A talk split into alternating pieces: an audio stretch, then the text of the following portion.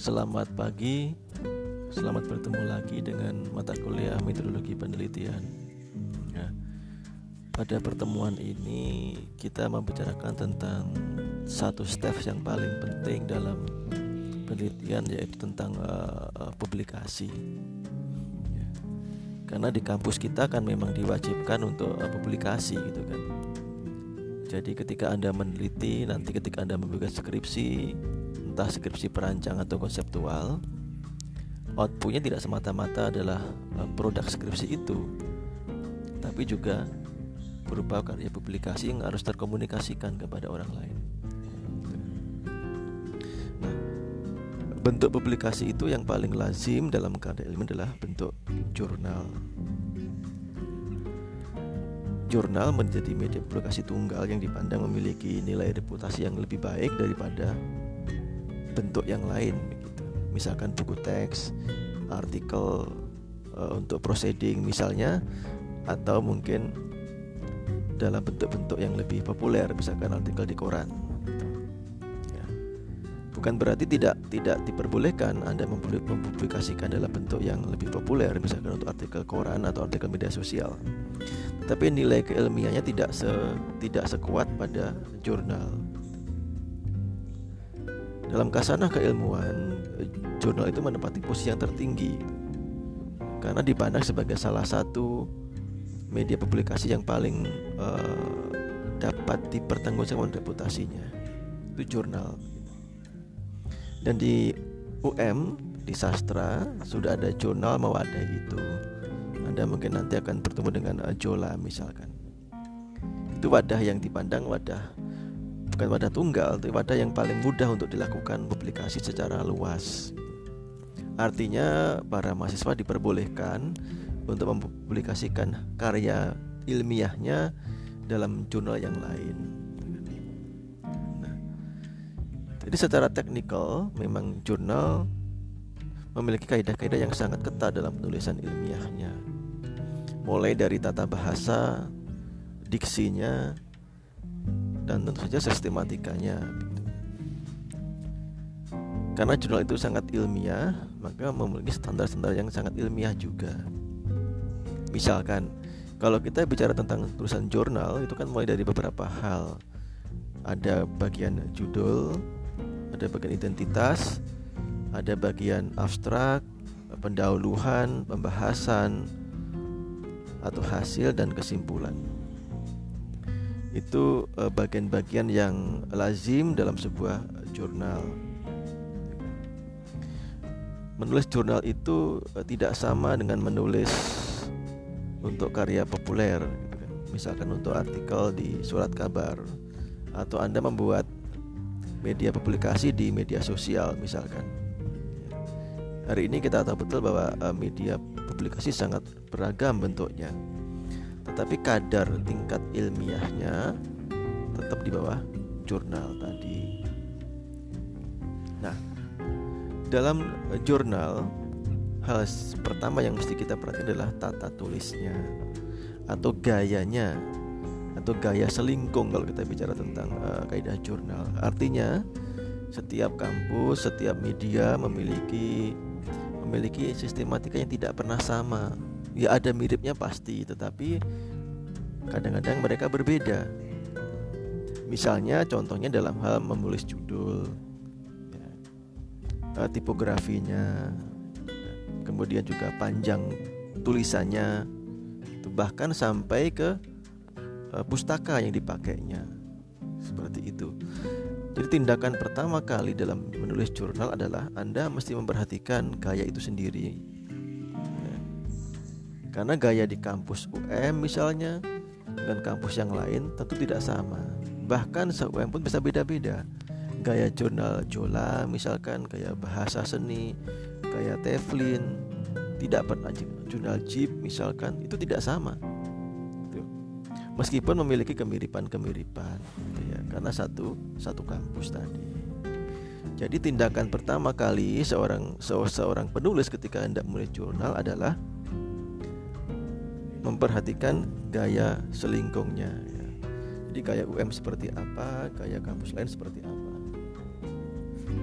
itu adalah modal awal kita untuk memahami uh, masuknya ke mana gitu.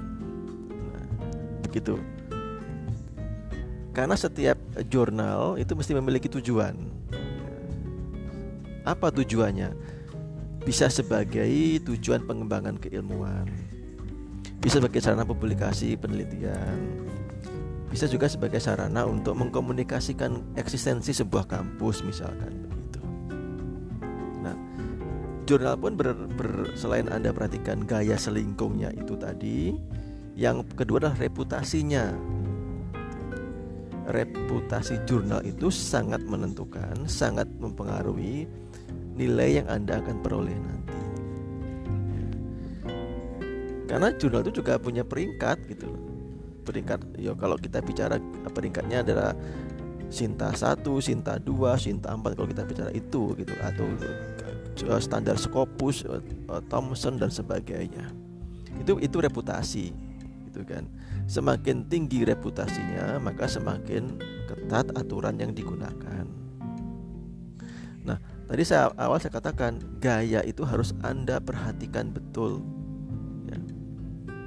Jangan sampai salah format, salah tipografi, salah jumlah halaman, misalkan salah menaruh spasi dan sebagainya. Itu hal yang tidak penting yang kadang-kadang mempengaruhi persepsi editor untuk menerima jurnal Anda atau tulisan Anda. Ya. Karena kalau jurnal itu kan begini ya, naskah masuk itu tidak hanya disampaikan oleh satu orang. Kadang-kadang disaring oleh beberapa orang gitu, yang namanya adalah editor. Itu satu titik gitu loh. Setelah itu baru nanti masuk ke namanya mitra bestari. Mitra bestari itu misalkan uh, dari kampus A nanti akan dioper ke kampus B. Ahlinya yang membaca itu loh. Baru nanti akan dilihat oh ini layak nggak layak begitu. Jadi ada beberapa step yang harus dilalui oleh si penulis jurnal itu. Nah, editor itu adalah tentu saja kalau jurnal sangat laku itu sangat banyak naskah tentu gaya ad, apa maaf ya style adminnya tidak boleh salah.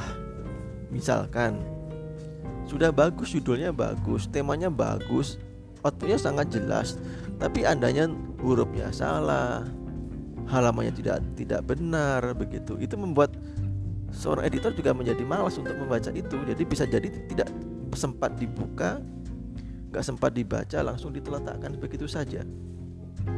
Bisa seperti itu apa penilaiannya seperti itu. Itu kalau kita bicara tentang uh, gaya tadi gitu.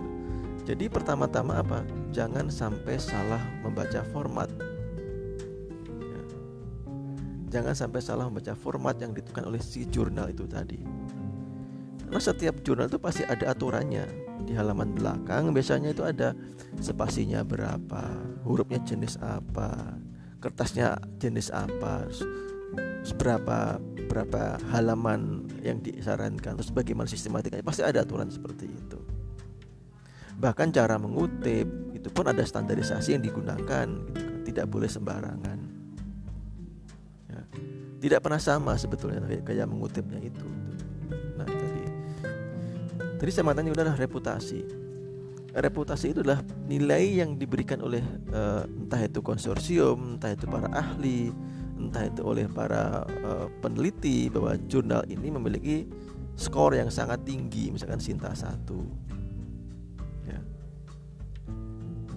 kan begini tos hari ini di semua lini di dunia ini kan ada ada standarisasi ya. karena semakin banyak orang yang berekspresi ada cermati ya banyak orang yang mampu berekspresi dengan berbagai macam cara bahkan dengan media yang mungkin terasa agak asing begitu mereka bisa bereputasi berekspresi termasuk dalam hal tulis menulis.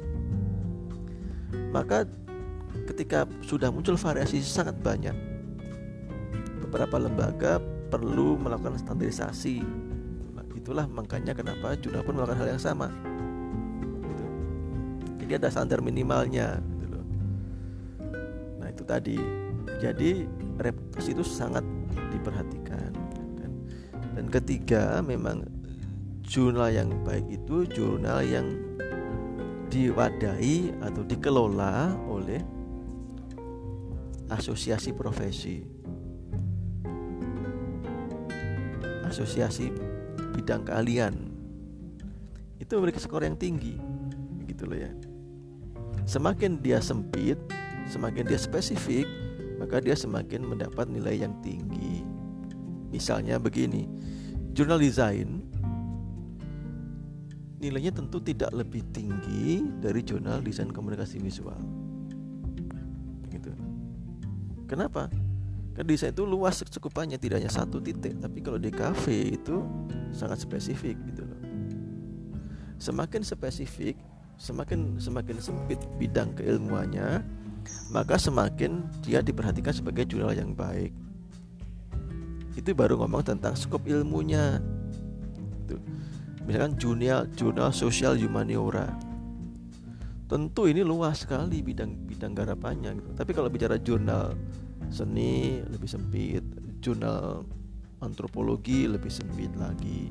Jurnal sosiologi lebih sempit lagi jadi semakin spesifik semakin spesialis maka semakin bagus penilaian itu. Itu kalau kita bicara tentang jurnal tadi seperti itu. Yang kedua adalah siapa pengelolanya? Siapa yang melakukan itu? Apakah ini kampus? Apakah ini uh, mungkin lembaga pemerintah gitu? Atau mungkin ini asosiasi profesi di, di, di, di komunitas-komunitas penulis itu diakui bahwa jurnal yang dikelola asosiasi profesi jauh lebih dianggap lebih bermartabat gitu, lebih baik daripada yang lain. Nah, jadi misalkan kan ada tuh asosiasi pendidik, pendidik, pendidik seni, asosiasi desain, asosiasi apa ya pengusaha iklan misalnya begitu itu jauh lebih penting nilainya gitu daripada yang lain. Gitu. Nah, cuman untuk anda yang baru level sarjana, yang baru sarjana itu tidak perlu sampai ke sana lah gitu loh. Ya. E, cukup bahwa karya anda itu sudah terpublikasikan begitu loh. Ya. Semangat ini semangat yang kemudian diakomodasi oleh banyak pihak gitu. bahwa hari ini setiap tindakan kita itu harus terkomunikasikan entah lewat media apa pun gitu kenapa ya karena dunia ini semakin semakin meng, mengglobal kalau kata Marcel Luhan itu menjadi desa global gitu desa yang terhubung terkoneksi dalam satu titik yang sama. Jadi apa yang terjadi di luar negeri dan di sini mungkin sama outputnya seperti itu. Maka publikasi menjadi penting. Publikasi itu kenapa dipentingkan? Karena pertama sebagai sarana media penyebaran keilmuan. Bahwa apa yang Anda sudah perlakukan, yang sudah Anda kerjakan itu juga terkomunikasikan kepada orang luar produk naskah skripsi Anda itu tidak hanya sekedar Anda bikin kemudian dibaca sendiri, disimpan di rak buku, selesai di situ saja. Tidak. Tapi bagaimana produk ini menjadi cara yang bagus untuk dikomunikasikan ke ke orang lain, ke orang luas. Bahkan kalau kita bicara hari ini yang Anda upload di jurnal online misalnya begitu itu bisa dibaca di seluruh dunia. Sesuatu hal yang mungkin tidak pernah saya alami di masa saya kuliah dulu. Nah jadi seperti itu. Jadi eh, bukan niat niat UM untuk mempersulit anda kenapa harus ditaruh jurnal tidak? Gitu. karena hari ini apa pun harus dikomunikasikan. Kenapa? Karena arus arus informasi sangat banyak sangat luar biasa. Kalau kita tidak siap dengan semua itu akan tertinggal gitu kan. Coba anda perhatikan ketika anda mencari bahan untuk kuliah misalnya anda mencari sesuatu yang baru yang anda buka pertama kali pasti bukan buku kan tapi adalah Google. Buka Google searching di Google mencari itu. Ada jutaan jutaan entry setiap hari orang posting di Google. Entah menjadi format yang gratis atau yang berbayar. Entah dengan apa itu yang model script itu atau dengan mereka kan begini kadang-kadang uh, apa yang anda upload itu akan menjadi konsumsi publik gitu kan. Jadi milik umum. Sok-sok itu suka diakui oleh orang lain juga gitu, sebagai kerjaan kerja orang lain kerja mereka. Makanya kenapa di kampus kita itu sebelum anda melangkah lebih jauh ke ujian harus ada cek plagiasi. Karena mau nggak mau uh, hari ini plagiasi akademis itu hal yang sering terjadi.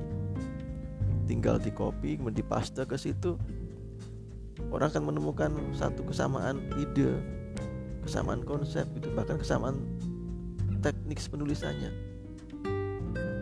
Makanya kita perlu mengalahkan itu tadi. Jadi yang kedua itu adalah reputasi tadi yang dibutuhkan. Nah kiat ketiga dalam sebuah jurnal itu adalah bagaimana naskah yang anda meringkas naskah itu menjadi seefisien mungkin. Ya. sependek mungkin. Paling 8 halaman lah atau 6 halaman begitu. Ya. Jadi naskah skripsi yang mungkin puluhan lembar itu atau belasan lembar itu dipotong menjadi sekian hanya sekian halaman nah kemampuan abstraksi konsep mengabstraksi pikiran itu dibutuhkan dalam hal ini. Orang menulis dalam jumlah terbatas itu jauh lebih sulit daripada menulis dengan jumlah yang tidak terbatas. Ya. Anda menulis jurnal dalam 4 6 halaman misalkan itu tidak lebih mudah daripada Anda menulis untuk 60 halaman misalnya. Kenapa? Karena ketika Anda menulis 60 halaman atau mungkin 16 halaman misalnya begitu, kita sangat luasa untuk menuangkan ide kita dengan sangat bebas. Satu, dua, tiga, empat kalimat atau enam kalimat satu paragraf bisa seperti itu. Tetapi ketika Anda menulis dengan jumlah yang sangat terbatas, misalkan hanya enam halaman, maka satu enam kalimat tadi itu Anda ringkas lagi jadi satu kalimat. Kan begitu logikanya. Itu tidak mudah sebetulnya. Sulit gitu. Bukan karena karena apa ya? Karena memang yang kita sampaikan kepada pembaca adalah inti sari dari yang kita kerjakan dalam bentuk yang sangat sangat formal. Bagaimana satu paragraf misalkan bisa Anda ringkas dalam satu kalimat atau dua kalimat saja tanpa kehilangan esensi yang tidak Anda sampaikan. Itu kalau kita bicara tentang cara nulis jurnal seperti itu. Jadi pilihan kata itu sangat-sangat penting. Memang uh, dalam jurnal yang baik itu uh, pilihan diksi, uh, pilihan katanya itu harusnya bervariatif gitu. Karena kalau Eh, dengan bahasa yang sangat formal itu kan kadang-kadang ada unsur kebosanan bila kita menggunakan istilah yang sama, kata yang sama gitu untuk makna yang sama pula. Padahal setiap setiap bahasa itu memiliki pilihan-pilihan kata yang bervariasi gitu. Anda untuk mengatakan indah itu kan bisa jadi jadi mengatakan tidak jelek misalkan begitu atau luar biasa atau enak dilihat mata itu kan kalimat-kalimatnya sebetulnya memiliki eh, uh, makna konotatif yang sama walaupun secara denotatif mereka ditulis berbeda begitu loh. Nah itu levelnya seperti itu. Tapi nantilah yang penting secara teknis Anda bisa meringkas kalimat tadi.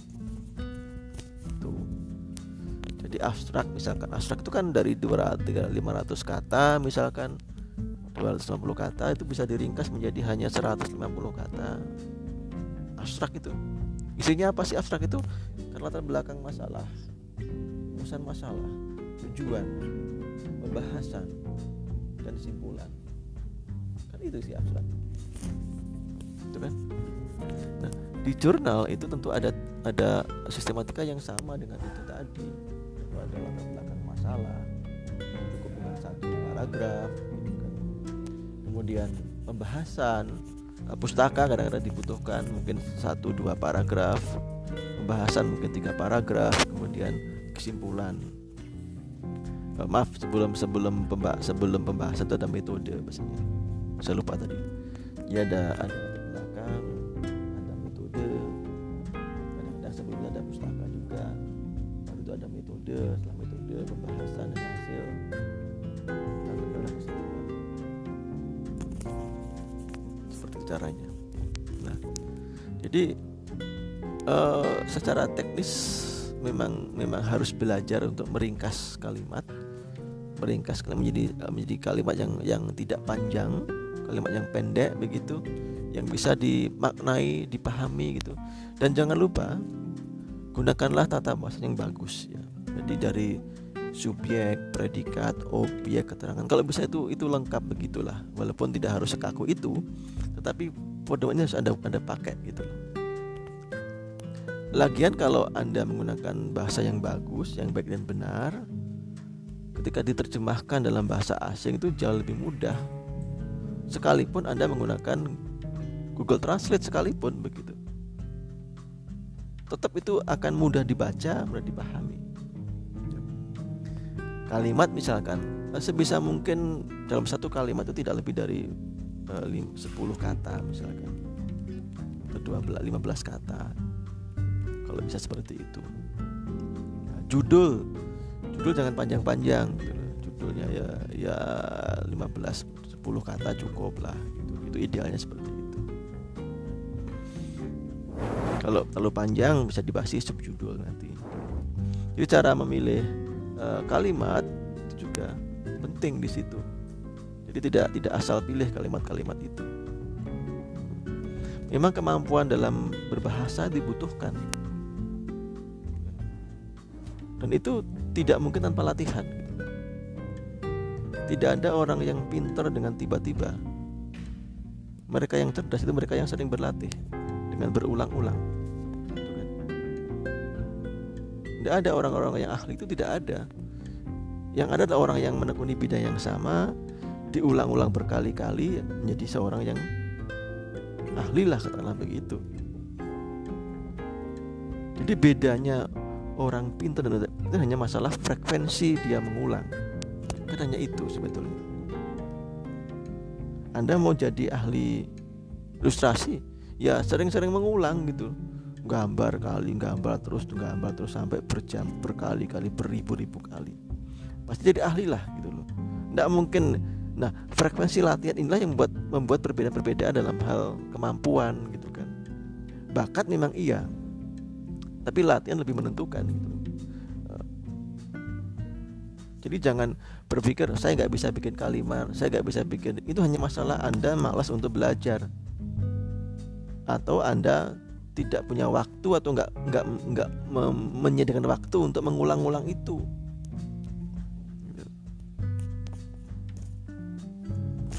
Nah begitulah yang terjadi dalam dalam uh, tata diksi jurnal tadi.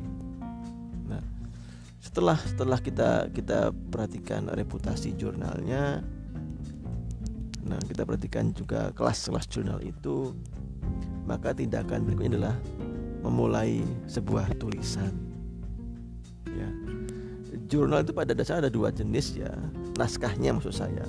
Yang pertama itu karena faktor penelitian hasil penelitian. Ya. Penelitian siapa? Ya penelitian anda sendiri atau penelitian orang lain gitu tapi lazimnya itu penelitian kita sendiri itu yang pertama. Yang kedua itu hasil dari uh, apa desk riset atau riset riset meja jadi anda belajar membaca buku membaca artikel membaca macam-macam anda bikin tulisannya. Itu juga bisa menjadi apa konsumsi bisa menjadi media bisa menjadi isi dari sebuah jurnal yang kita tetapi hasil tulisan dari penelitian itu dipandang lebih bagus daripada opini sekalipun opini anda tajam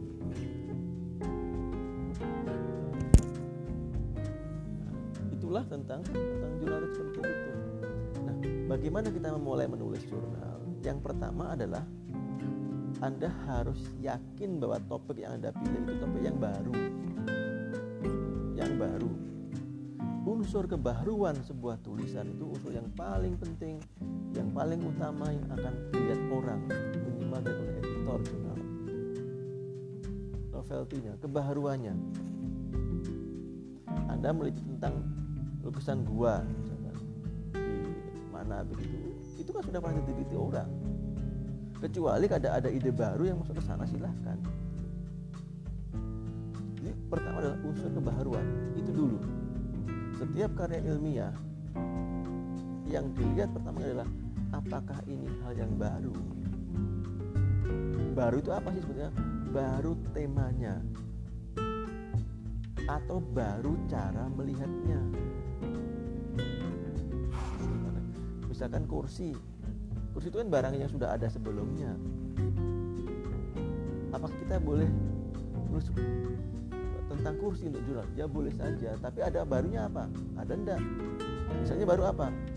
Pendekatannya baru. Misalnya anda menyampaikan ide bikin kursi dari bahan yang belum pernah ada. Itu hal yang baru kan? Atau kursi itu yang awalnya hanya untuk duduk saja bisa untuk yang lain. Itu hal yang baru juga. Jadi unsur kebaharuan itu yang mau kita yang kedua apa? Yang kedua adalah relevansi kemampuan anda dan topik yang anda tulis itu linear tidak?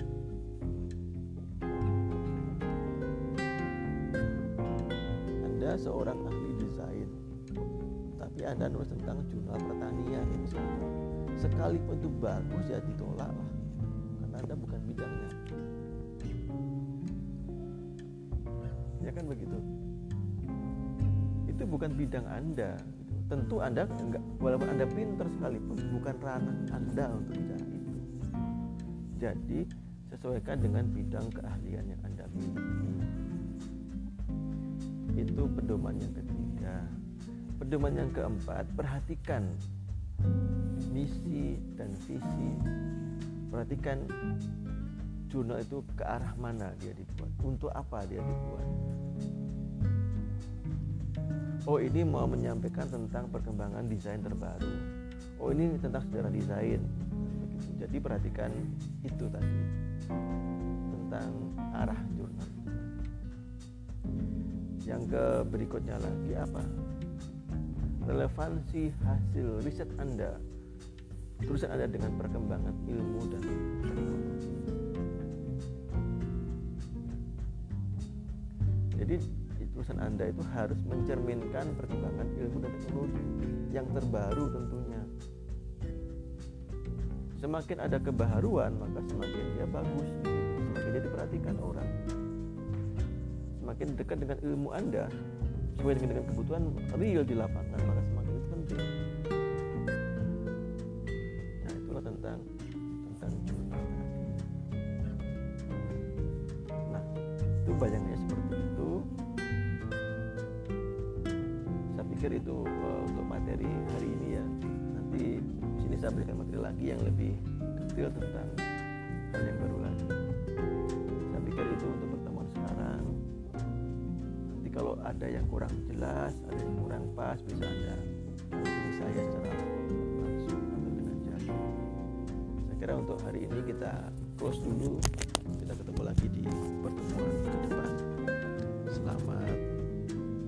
mengerjakan kalau ada pekerjaan dari saya belum saya berikan pekerjaan ya. Nanti baru ada kerjanya setelah ini. Jadi semoga yang saya berikan bisa bermanfaat. Selamat siang. Assalamualaikum warahmatullahi wabarakatuh